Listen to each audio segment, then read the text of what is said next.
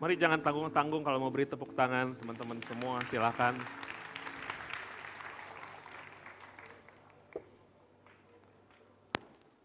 Uh,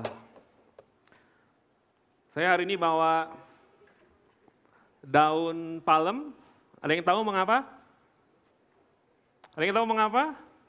Tentu bukan untuk kepret yang berisik hari ini. Tapi ini adalah minggu di mana kita akan mempersiapkan hati kita untuk Paskah. Kalau mungkin teman-teman semua selama ini ada dalam gereja karismatik tidak terbiasa untuk melihat ada daun palem di gereja, sesungguhnya ada makna yang sangat penting daripada Minggu Palma. Dan itu yang akan kita bahas hari ini. Karena sebelum Paskah, sebelum Yesus mati, ada banyak orang mengeluh-elukan Yesus dan dia mengambil daun palma, Kemudian dia berteriak-teriak, mereka berteriak-teriak, Hosana, Hosana. Mereka melepaskan jubahnya, mereka taruh di lantai untuk menyambut Yesus pada saat itu datang ke Yerusalem. Dan itulah yang akan kita pelajari hari ini. Amin teman-teman semua. Ya, ada makna yang penting daripada Minggu Palma yang sebetulnya besok, tapi hari ini kita akan belajar maknanya. Teman-teman semua, selama bulan April ini kita akan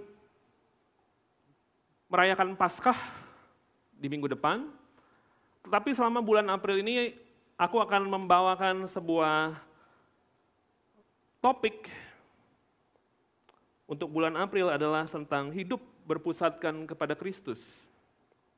Bilang kiri kanannya hidup berpusatkan kepada Kristus. Dan selama lima kali hari Sabtu dalam sepanjang bulan April, aku akan membahas peristiwa-peristiwa yang penting di dalam Alkitab sebelum Yesus mati. Pada saat Yesus mati, dia bangkit, dia menampakkan diri, dan bagaimana orang terbakar kehidupannya karena kematian Kristus. Dalam minggu yang pertama dan hari ini kita akan belajar tentang Yesus adalah raja yang telah datang dan dia akan datang kembali. Dan topik ini diambil daripada kisah Yesus datang masuk ke Yerusalem. Minggu depan adalah minggu yang kedua, hari Sabtu Suci kita akan belajar tentang mengalami kuasa kematian Yesus. Minggu berikutnya kita akan belajar untuk mengenal Dia, mengenal Kristus, dan kuasa kebangkitannya. Minggu yang keempat, kita akan belajar tentang perjumpaan salib yang mengubahkan. Setelah Yesus naik ke surga, setelah Yesus bangkit, berulang kali Yesus menampakkan dirinya kepada murid-murid dan kepada orang banyak untuk menyatakan dia itu hidup. Dan ada banyak orang tidak percaya kepadanya. Dan ketika Yesus menyatakan dirinya, semua orang menjadi percaya dan mengalami pertobatan. Yesus menampakkan diri kepada Thomas, menampakkan diri kepada Petrus, kepada banyak orang, dan semua orang yang berjumpa dengan Kristus mengalami perubahan dalam kehidupannya. Dan di minggu yang kelima, Sabtu yang kelima pada bulan April, kita akan membahas tentang inti daripada mengapa kita membahas peristiwa-peristiwa penting sepanjang bulan ini dengan tema hidup yang berpusat pada Kristus. Teman-teman bersemangat? Ya ini sebuah serangkaian supaya teman-teman mengerti apa yang Kristus perbuat dalam hidupmu. Dan semoga semua firman yang disampaikan selama bulan ini sungguh-sungguh mengubahkan kita, membuat paradigma kita, hidup kita kembali berpusat kepada Injil. Nah hari ini kita akan belajar merenungkan makna tentang Minggu Palma. Mungkin teman-teman, saudara-saudara kita di gereja aliran yang lain, ada dari antara mereka yang juga merayakan Minggu Palma. Di hari Minggu mereka membawa-bawa daun palem, ya. Tentu di Abayut nggak akan disuruh bawa daun palem, tapi teman-teman perlu tahu maknanya. Dan apa yang bisa kita terapkan dalam kehidupan kita. Oh emang belajar Minggu Palma ada yang bisa kita praktekin ya? Tentu ada. Setiap firman dalam Alkitab, semua cerita itu bisa relate dalam kehidupan kita. Nah teman-teman semua, kalau kita tahu bahwa tradisi gereja mula-mula di abad awal-awal, setiap kali mereka mau merayakan Paskah, mereka akan pergi ke Yerusalem. Mereka akan mengenang peristiwa-peristiwa penting yang terjadi dengan kaitannya kepada kematian dan kebangkitan Yesus. Dan peristiwa itu dimulai dari Minggu Palma. Ketika Yesus masuk ke Yerusalem dan dan Yesus diolok-olok, diarak-arak, diolok-olok, diarak-arak. Ya. Kemudian itulah Minggu Palma yang orang-orang rayakan. Kemudian orang-orang mengenang di Kamis Putih, yaitu peristiwa malam perjamuan yang terakhir sebelum Yesus disalib. Kemudian orang-orang mengenang juga Jumat Agung pada saat Yesus mati di kayu salib.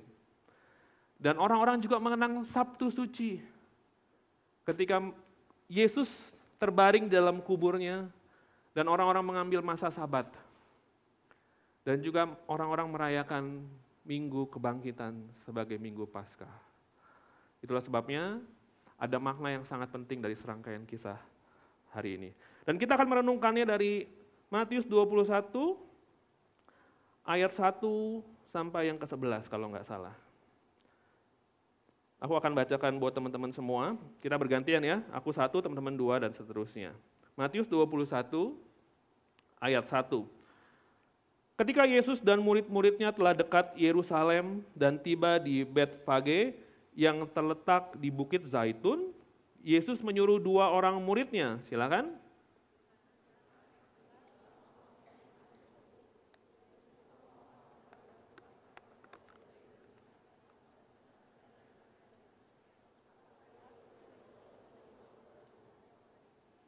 Dan jikalau ada orang menegur kamu, katakanlah, Tuhan memerlukannya. Ia akan segera mengembalikannya. Yesus pinjam, katanya. Silakan.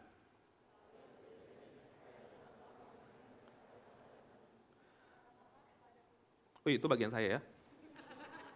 Katakanlah kepada Putri Sion, lihat rajamu datang kepadamu. Ia lemah lembut dan mengendarai seekor keledai seekor keledai beban yang muda.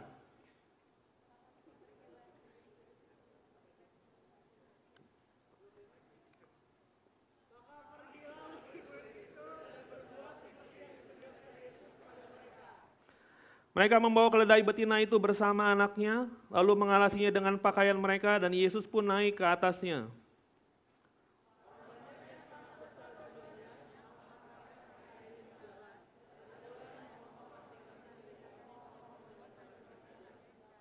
Mari kita baca sama-sama.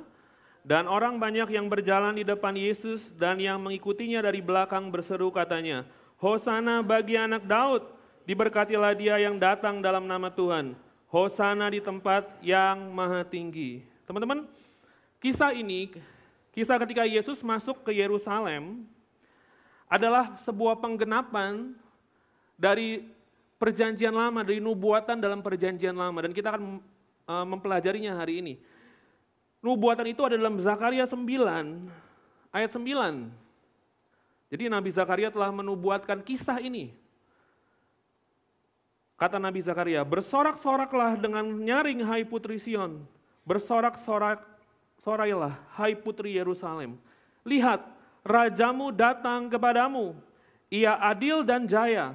Ia lemah lembut dan mengendarai seekor keledai, seekor keledai beban yang muda.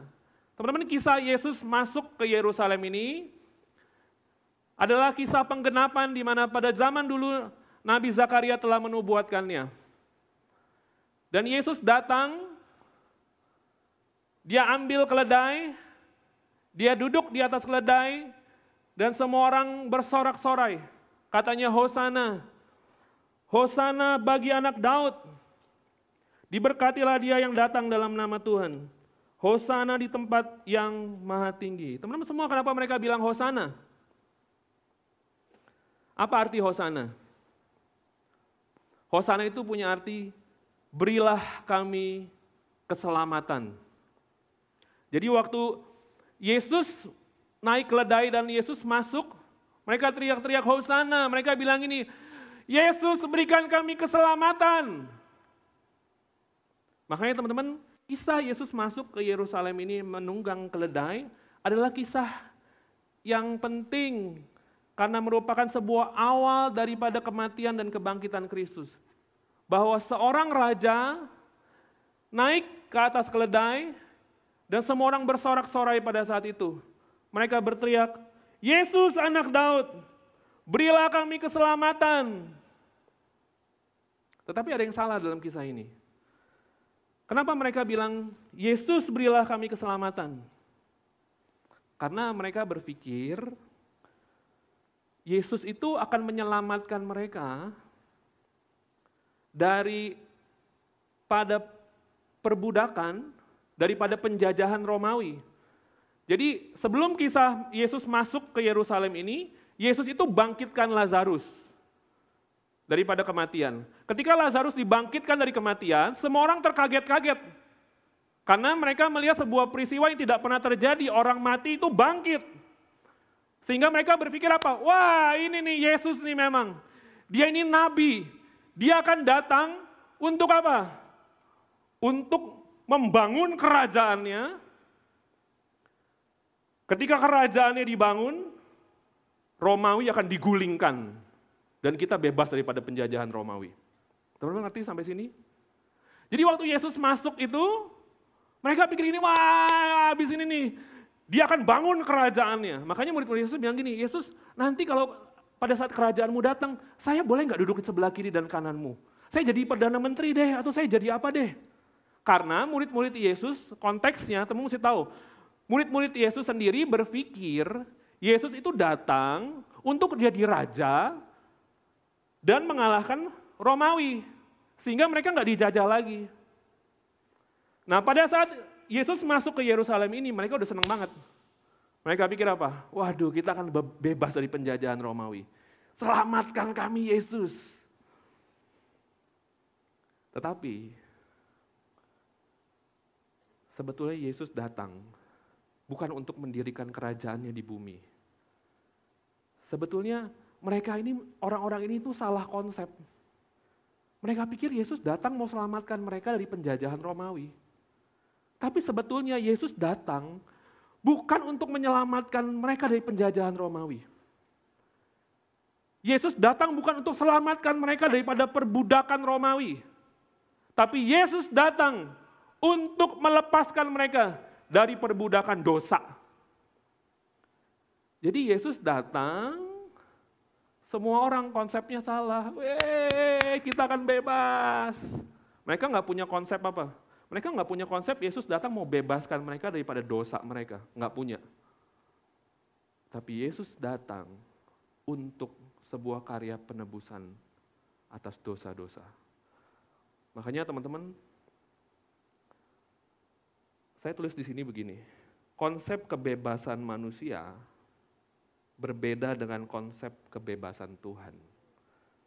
Manusia ingin membebaskan dirinya dari persoalan dan penderitaan hidup, sedangkan Tuhan ingin membebaskan kita dari dosa. Orang-orang itu berpikir apa? Habis ini kita merdeka, udah nggak dijajah lagi. Tapi bukan itu konsep kebebasan yang Tuhan taruh dalam hidup kita. Seringkali dalam hidup kita, kita seperti orang-orang itu yang kita datang ke Tuhan, kita pikir gini, gue datang sama Tuhan, gue datang ke gereja supaya lepas dari persoalan hidup.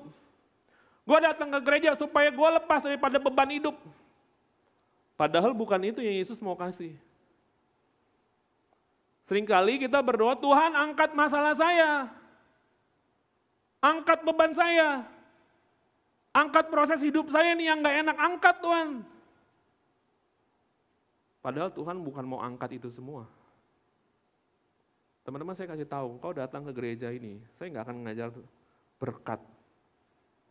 Kau datang diberkati, kau datang diberkati. Kau datang ke gereja ini, kau akan diajar menjalani proses penderitaan dalam hidupmu. Untuk kau embrace semua proses dalam hidupmu, semua permasalahan dalam hidupmu. Karena Tuhan datang, Yesus datang bukan mau ambil masalahmu, Yesus datang mau angkat dosamu. Makanya ini sebuah hal yang keliru yang murid-murid ini punya dalam paradigmanya. Dan itu juga yang kita punya. Kita suka berpikir, Tuhan kapan ya proses seperti ini lewat dalam hidup saya? Kapan prosesmu akan kau selesaikan? Ketika pergumulan dosamu diambil daripada proses itu. Seringkali misalnya kita dalam pelayanan ya, kita struggle sama pelayanan kita. Mungkin kau di tim pelayanan, mungkin kau dalam tim komsel, kau struggle, kau berbeban berat di dalamnya. Mungkin kau juga struggle dengan pemimpinnya. Tuhan, kapan saya ganti PIC Asyir ini Tuhan? Dia bawel banget Tuhan. Kalau kita salah dress code PIC Asyir langsung melotot gini. Angkat dia Tuhan. Bukan itu yang Tuhan mau. Tuhan kenapa berat banget Tuhan punya komsel kayak gini Tuhan. Angkat anak komsel ini ke sorga Tuhan.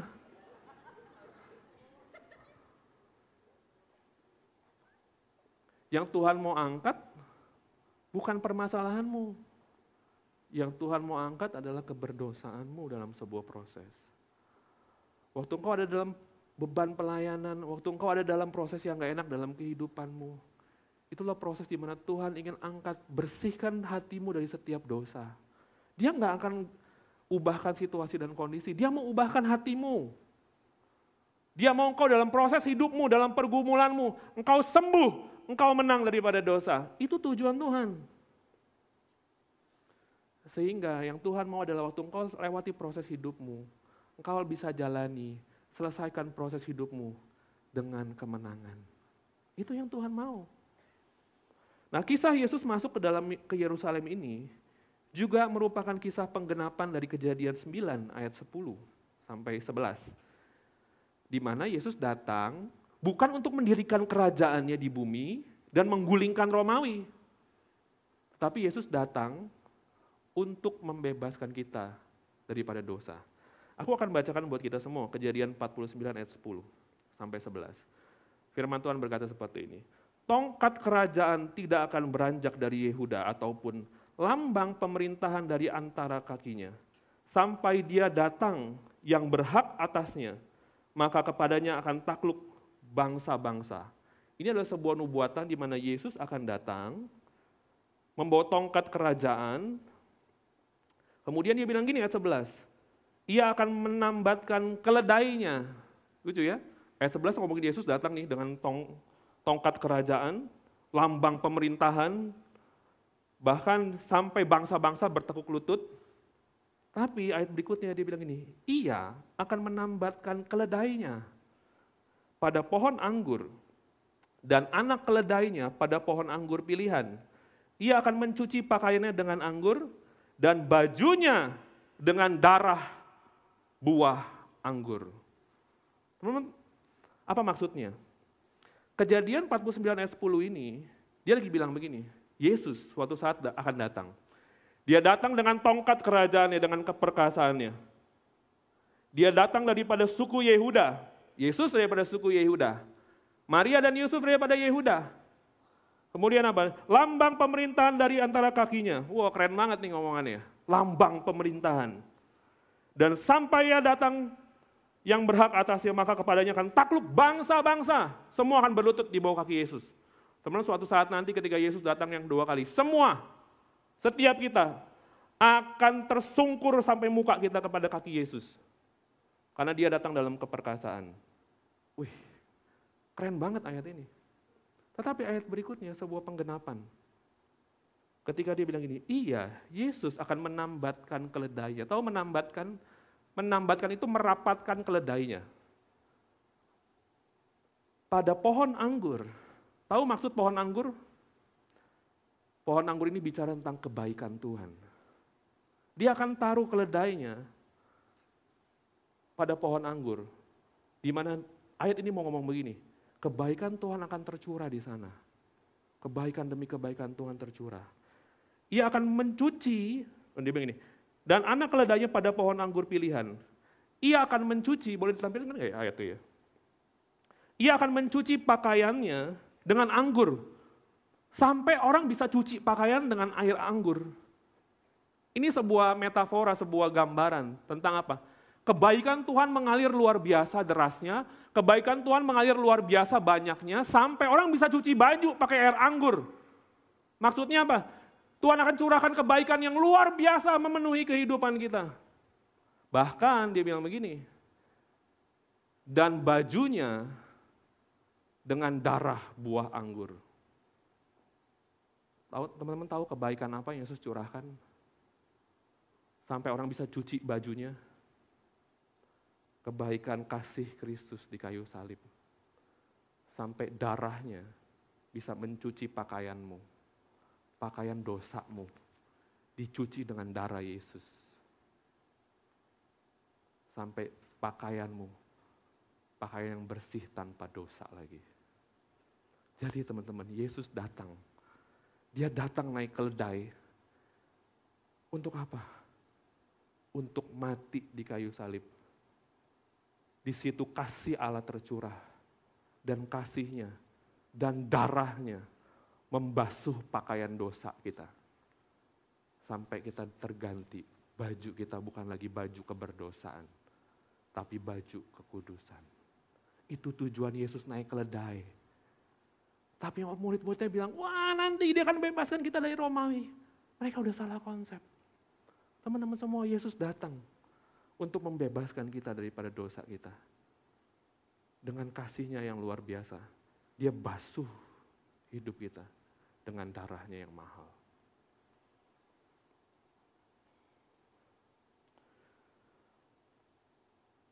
Seringkali kita berpikir bahwa kuasa kerajaan Allah itu datang dengan sebuah mujizat.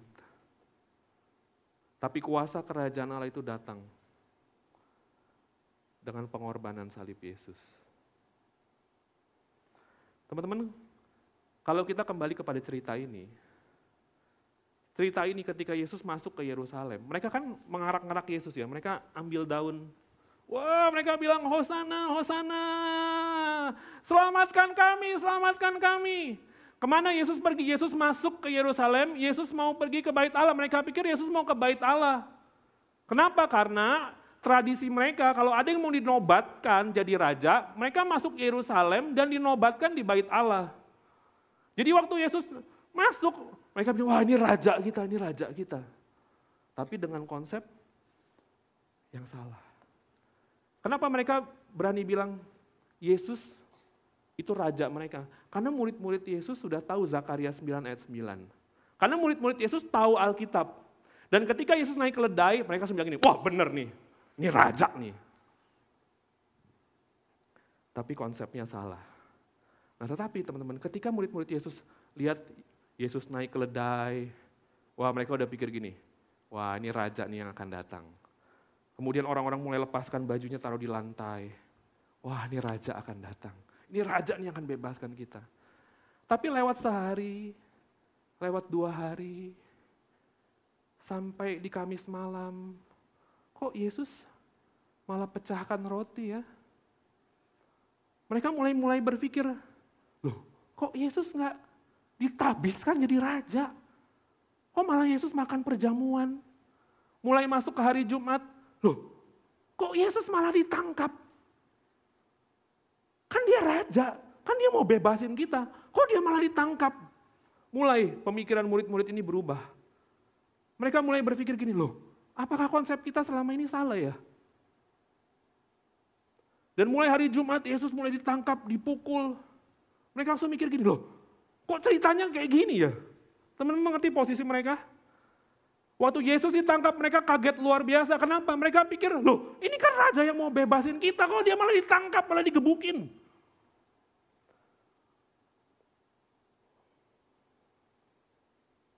Ternyata mereka sampai satu titik sadar bahwa raja yang mereka maksud dalam pikiran mereka berbeda dengan raja yang sedang datang. Apa perbedaannya? Yang pertama, waktu Yesus datang, mereka berpikir raja dunia seharusnya datang tuh naik kuda. Betul ya? Teman-teman merasa ini lucu nggak? Kok raja naik keledai? Raja itu harusnya naik kuda, kegagahan. Weh, ha, gitu kan. Kalau enggak naik apa? Naik T-Rex lah sekalian. Lebih keren. Tapi murid Yesus mulai mikir, kok Yesus naik keledai? Ternyata apa? Yesus bukan mau menunjukkan kegagahannya. Teman-teman tahu siapa orang-orang yang naik keledai pada zaman itu? Hamba. Hamba itu naik keledai. Hamba itu nggak naik kuda. Tapi Yesus datang sebagai raja. Dia bukan datang dengan kuda. Dia nggak datang dengan kemegahan. Dia datang dengan kehambaan. Dia datang bukan untuk memerintah. Dia datang untuk melayani engkau. Lalu murid Yesus mulai berpikir lagi. Mereka berpikir bahwa Yesus datang untuk membebaskan. Ya kan? Mereka pikir, wah kita akan dibebaskan daripada Romawi. Tapi sebetulnya pas mereka lihat kenyataan, Yesus yang datang malah ditangkap. Mereka berpikir bahwa kalau raja itu datang jalannya harus sambil dihormati. Semua orang bungkuk.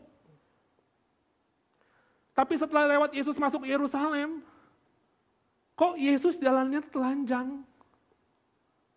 Waktu Yesus angkat kayu salib di Golgota, di sepanjang Via Dolorosa, kok Yesus saya jalannya telanjang ya?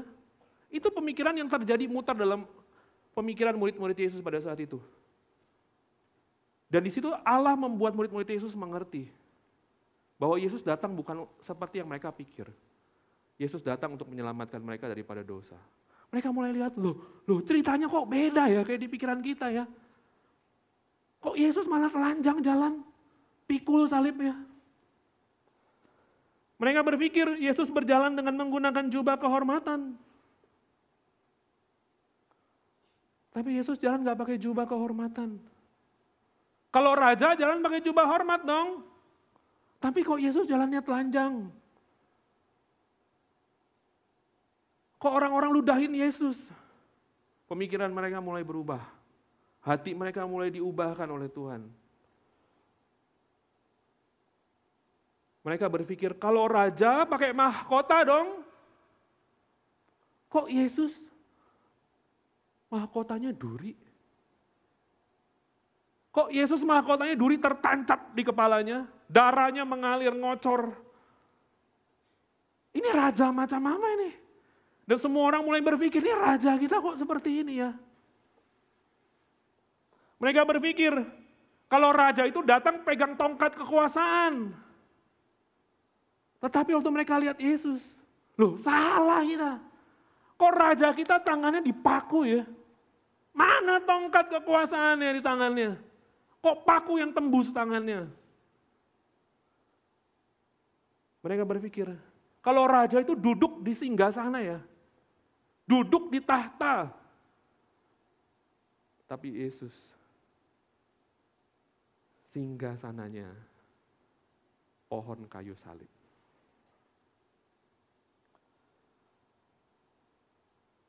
Orang-orang berpikir, kalau raja, dia datang untuk mempertahankan segalanya, supaya dia bisa hidup selamanya. Tapi Yesus datang untuk menyerahkan segalanya, bukan untuk hidup, tapi untuk mati. Bagi teman-teman semua dan bagi saya. Itulah sebuah kisah makna ketika Yesus masuk ke Yerusalem, mengganti paradigma mereka semua. Sampai waktu Yesus di kayu salib, Yesus mati di kayu salib. Teman tahu waktu Yesus mati di kayu salib? Waktu paku itu menembus tangannya Yesus. Jadi Yesus itu, waktu dia disalibkan, dipakukan tangannya, dia dilempar ke tanah, dipaku tangan dan kakinya.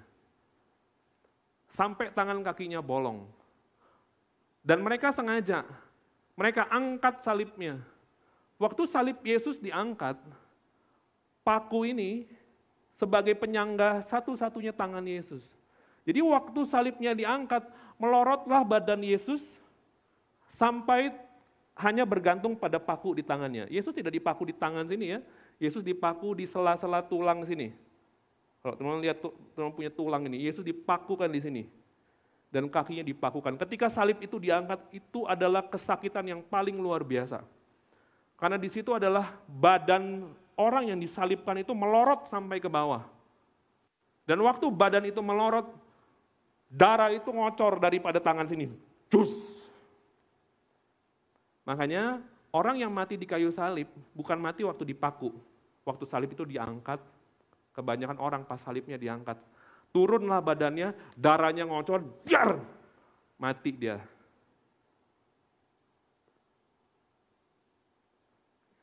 Tetapi Yesus bukan hanya badannya melorot, tapi setiap kali Yesus mengambil nafas, dia harus angkat dia punya paru-parunya gini. Supaya dia naik badannya. Waktu dia tarik nafas, darah itu juga ngocor lagi keluar. Dan berulang kali orang di kayu salib mati kenapa? Karena darahnya habis keluar. Sekali dia tarik nafas, darahnya ngocor. Ditarik lagi, darahnya ngocor. Sampai habis darahnya sampai dia mati kesakitan di kayu salib. Teman-teman semua, itu rajamu. Itu rajaku. Dia datang untuk mati bagi dosa-dosa kita. Dan ini mengubah paradigma semua murid dan semua orang. Waktu mereka lihat Yesus mati di kayu salib, mereka sadar Yesus datang bukan untuk mendirikan kerajaan di bumi, tapi untuk menebus dosa-dosa mereka. Supaya barang siapa percaya kepadanya tidak binasa, melainkan beroleh hidup yang kekal. Poin yang kedua, ada seorang teolog bernama Dietrich Bonhoeffer.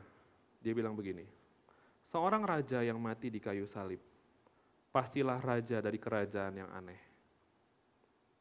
Sementara kerajaan-kerajaan di dunia ini dibangun dengan kekuatan, kerajaan Allah didirikan di atas dasar kasih karunia. Yesus datang bukan untuk memerintah seperti raja-raja di dunia ini. Yesus datang untuk mencurahkan anugerahnya bagimu. Supaya barang siapa percaya kepadanya tidak binasa, melainkan beroleh hidup yang kekal.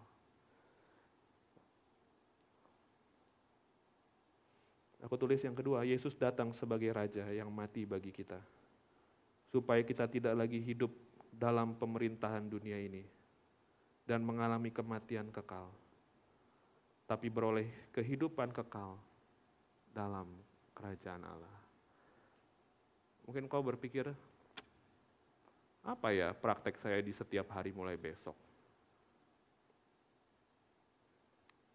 Tidak ada berita yang paling baik selain berita engkau diselamatkan karena anugerah Tuhan. Tidak ada berita yang paling baik selain kau mengetahui karena kematian Yesus engkau beroleh kehidupan yang kekal.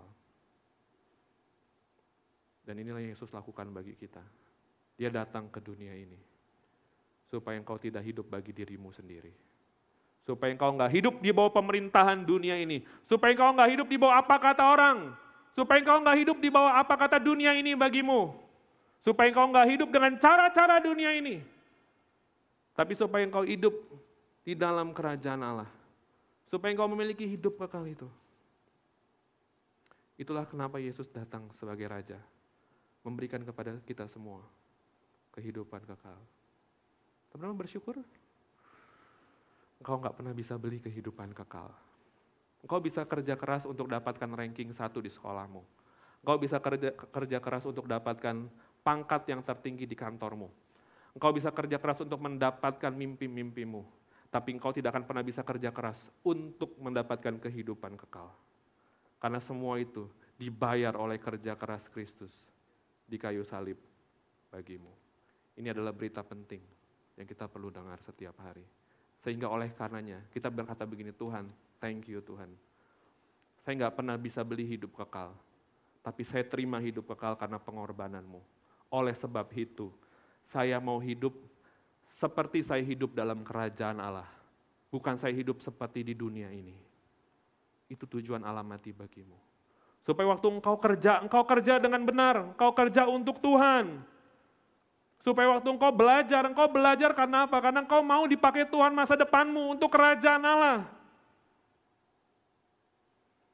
Supaya waktu engkau jalani hidupmu sehari-hari hidupmu nggak sembarangan lagi. Kenapa? Engkau telah dibeli dan engkau telah diberikan kehidupan kekal yang mahal harganya. Kalau engkau sungguh-sungguh menerima kehidupan kekal itu, engkau pasti akan berkata, Tuhan hidupku untukmu. Karena engkau berikan yang paling baik, yang aku tanganku nggak bisa capai. Makanya ciri orang yang sungguh-sungguh menerima kehidupan kekal adalah dia memberikan hidupnya untuk Tuhan. Aku nggak perlu jelaskan prakteknya apa. Orang yang sungguh-sungguh mengerti pengorbanan Kristus mahal bagi dia. Orang yang sungguh-sungguh telah dilahirkan baru, dalam setiap harinya, semua aktivitasnya dia berikan untuk Tuhan. Itulah alasan mengapa Yesus mati bagi kita. Yang terakhir, aku tulis seperti ini. Kehidupan dalam kerajaan Allah adalah kehidupan penundukan diri dalam ketaatan kepada Allah yang didasari oleh kuasa salib Kristus. Yesus datang bukan untuk membebaskan kita dari persoalan hidup, tapi dari pemerintahan dunia ini. Yesus datang untuk membebaskan kita daripada dosa. Dia mati bagi kita supaya kita hidup dan hidup dalam kerajaannya. Teman-teman, waktu engkau sadar Kristus telah mati bagimu. Waktu engkau sadar dia melayani engkau, darahnya ngocor, purs. Darah Yesus tuh mati darahnya bukan netes gitu ya, tes, tes, itu keran di rumahmu yang bocor. Yesus mati kepalanya tertancap sekelilingnya mahkota duri, ngalir deras. Waktu salib itu diangkat ngocor darahnya, pus. Kalau engkau mengerti itu, engkau akan jadi orang yang waktu melayani Tuhan, engkau bilang Tuhan, apa yang saya buat untuk Tuhan, nggak ada harganya. Kalau kita suka bilang apa, gue udah pelayanan lama, ya ampun PKS masa nggak ngeliat, Masa pemimpin gak lihat gue udah berkorban banyak? Tidak ada kata berkorban banyak untuk Tuhan. Karena tidak ada pengorbanan kita yang sampai kita mengeluarkan darah ngocor seperti Kristus memberikan buat kita. Kalau engkau tahu darahnya mengalir keluar, hidupmu nggak akan sembarangan lagi. Kalau engkau tahu Yesus bayar harganya di kayu salib mahal, engkau mulai hari ini engkau akan belajar, saya mau menang dari pornografi, saya mau menang dari percabulan. Teman-teman tahu, Bagaimana Tuhan tebus kita daripada percabulan? Ketika Yesus di kayu salib, Yesus itu dalam keadaan telanjang bulat. Bukan pakai kain. Alkitab mengatakan tentara Romawi mengambil jubah Yesus. Di dalam bahasa aslinya itu bukan jubah, tapi itu pakaian dalam Yesus. Waktu Yesus mati di kayu salib, dia mati dalam keadaan telanjang bulat. Karena pakaiannya, maaf ya, pakaian dalamnya telah dibuat undi, telah dilucuti. Yesus dipermalukan semalu-malunya. Bahkan teman-teman tahu apa yang dilakukan tentara Romawi? Mereka ambil tongkat, mereka tusuk kemaluan orang yang disalibkan. Itu cara Tuhan menebus kita daripada kenajisan, daripada percabulan, Yesusmu dipermalukan semalu-malunya. Bahkan tentara Romawi tahu, dia ambil tongkat, dia suka, maaf sekali, dia suka lecehkan yang di atas kayu salib. Bahkan tidak segan-segan, ditusuk kemaluannya. Sep! Darahnya ngocor keluar. Dia tebus engkau, supaya engkau menang daripada setiap dosa kenajisan. Kalau engkau mengerti hal ini, mulai daripada hari ini, kau akan hidup kudus bagi Tuhan. Mungkin kau nggak langsung menang, saya tahu. Tapi kau waktu kau ingat itu, kau akan tahu, terima kasih Tuhan. Kau bayar harganya Tuhan untuk saya menang daripada kenajisan. Kalau hari ini kau hidup dalam percabulan, pacaran luar biasa tidak kudusnya, pegang sana, pegang sini, ingat Tuhanmu apa yang dia kerjakan di kayu salib. Kalau engkau pernah dilecehkan bahkan, Kristusmu dilecehkan luar biasa di kayu salib. supaya engkau bisa mengalami kesembuhan.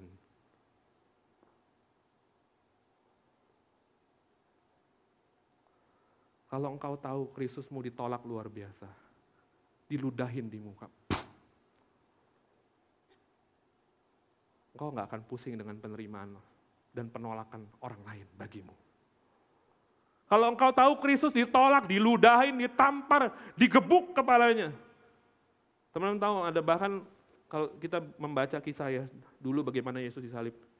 Yesus itu, dia didudukan di kursi yang ada banyak tulang-tulang binatang gitu ya, atau besi-besi dalam keadaan telanjang. Puk! Darahnya ngocor keluar, robek semua kulitnya.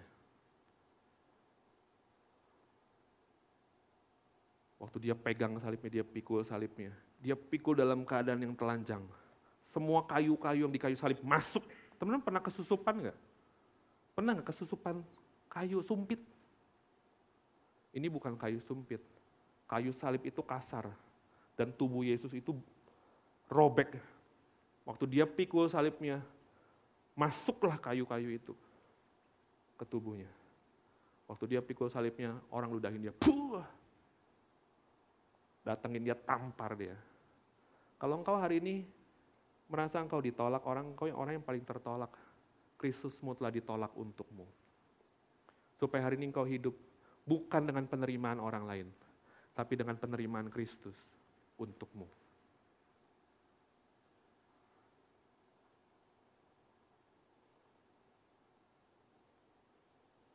Kalau engkau tahu Kristus sudah tebus masa depanmu di kayu salib, engkau nggak akan belajar di sekolah sembarangan, Kau nggak akan gampang nyontek. Kau nggak kerja asal-asalan. Karena engkau tahu masa depanmu telah dibayar oleh Kristus. Makanya ada lagunya, sebab dia hidup, ada hari esok. Betul nggak? Kenapa dia mati bagimu? Kenapa dia mati bagimu? Supaya dia bisa pulihkan masa depanmu. Ada banyak orang pikir, ah Yesus mati bangkit, dia keluar daripada kubur. Apa maknanya? Apa makna kebangkitan Kristus bagimu? Kebangkitan yang memberikan pengharapan baru untuk masa depanmu. Supaya apa? Supaya masa lalumu tidak akan pernah bisa menentukan masa depanmu. Karena masa lalumu telah dibereskan di kayu salib. Engkau yang hidup dalam Kristus, engkau punya pengharapan baru. Itulah kuasa kebangkitan Kristus.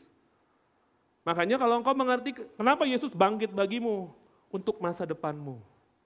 Kalau engkau tahu masa depanmu ada dijamin oleh Tuhan, kau serahkan kekhawatiranmu kepada Tuhan. Teman-teman semua itu adalah berita Injil. Semua yang kita dengar hari ini adalah berita Injil. Di mana Kristus datang untuk membebaskanmu daripada dosa. Kristus datang untuk membebaskan saya daripada dosa. Bukan berhenti sampai di situ. Untuk mengajak kita semua tinggal dalam kerajaan Allah tinggal dalam pemerintahannya, supaya hidup kita, kita berikan kepada Tuhan. Kita mengabdi kepada Tuhan. Mari kita pejamkan mata, kita datang kepada Tuhan.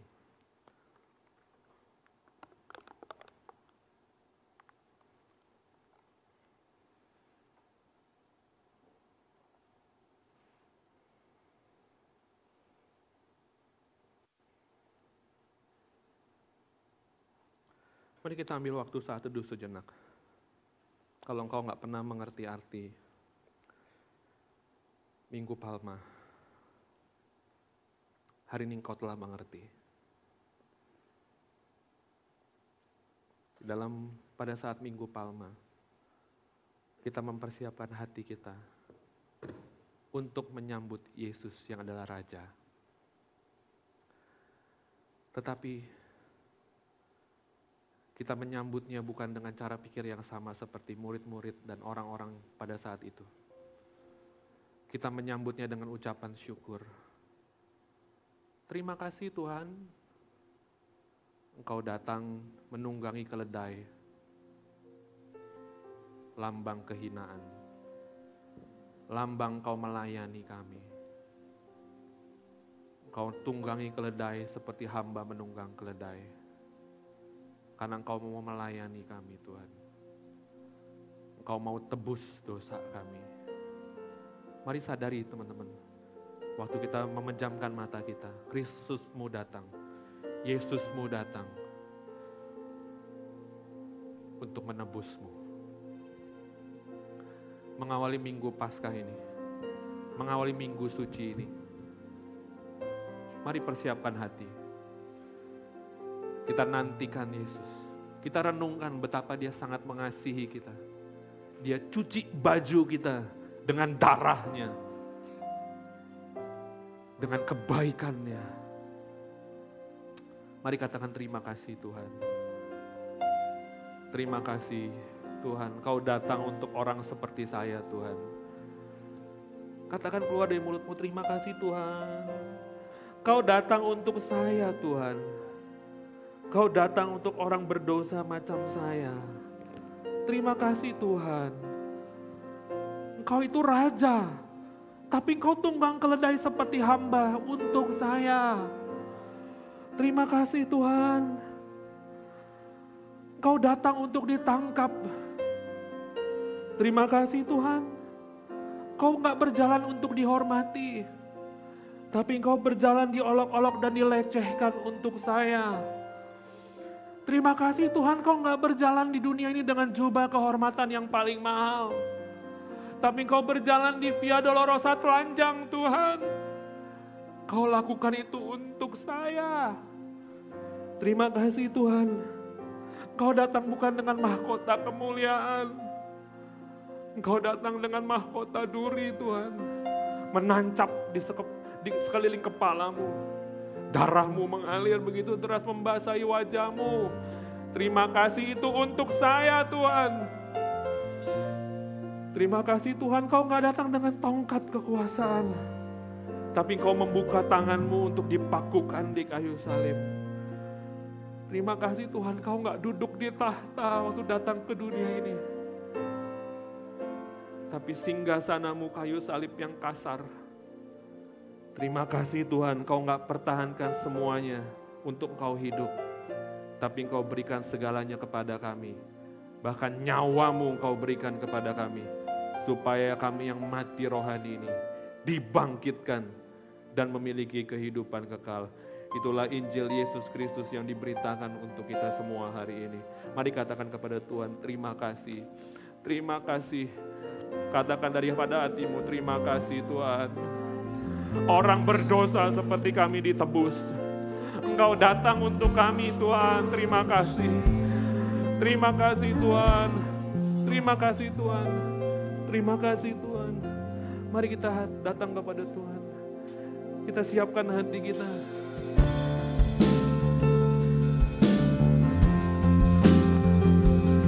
Mari kita bangkit berdiri. Terima kasih Tuhan.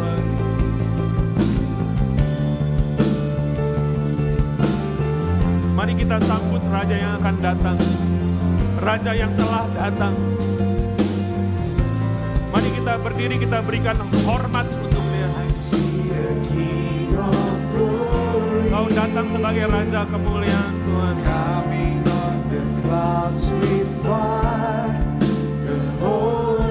Dunia gentar Tuhan. Kau Raja datang ke dunia ini.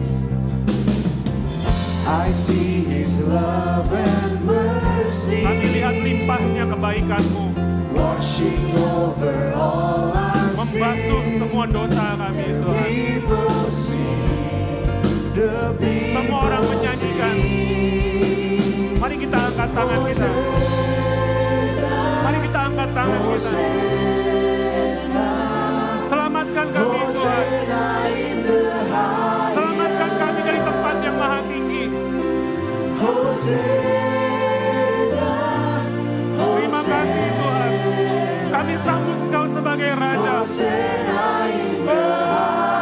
Engkau Raja Tuhan. Terima kasih Tuhan. Terima kasih Tuhan.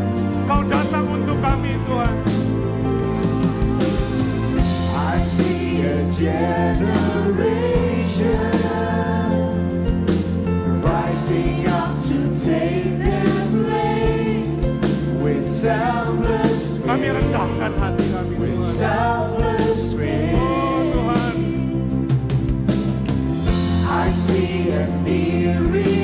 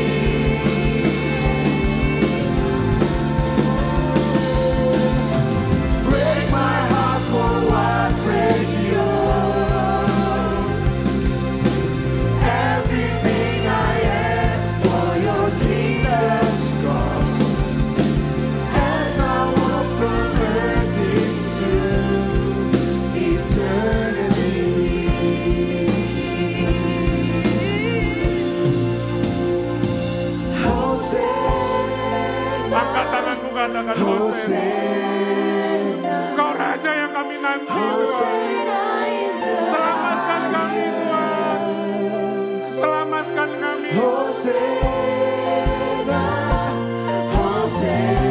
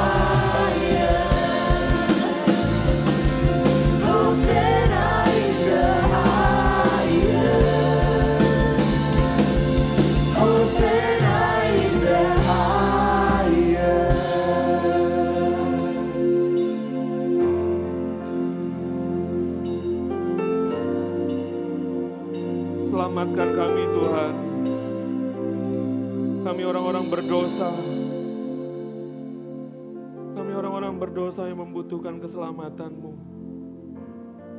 Curahkan dari tempat yang maha tinggi. Sewaktu kami percaya kepada pemberitaan Injil-Mu.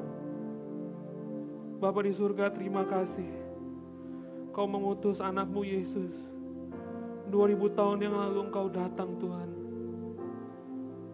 Kau datang sebagai seorang raja untuk kami orang-orang berdosa.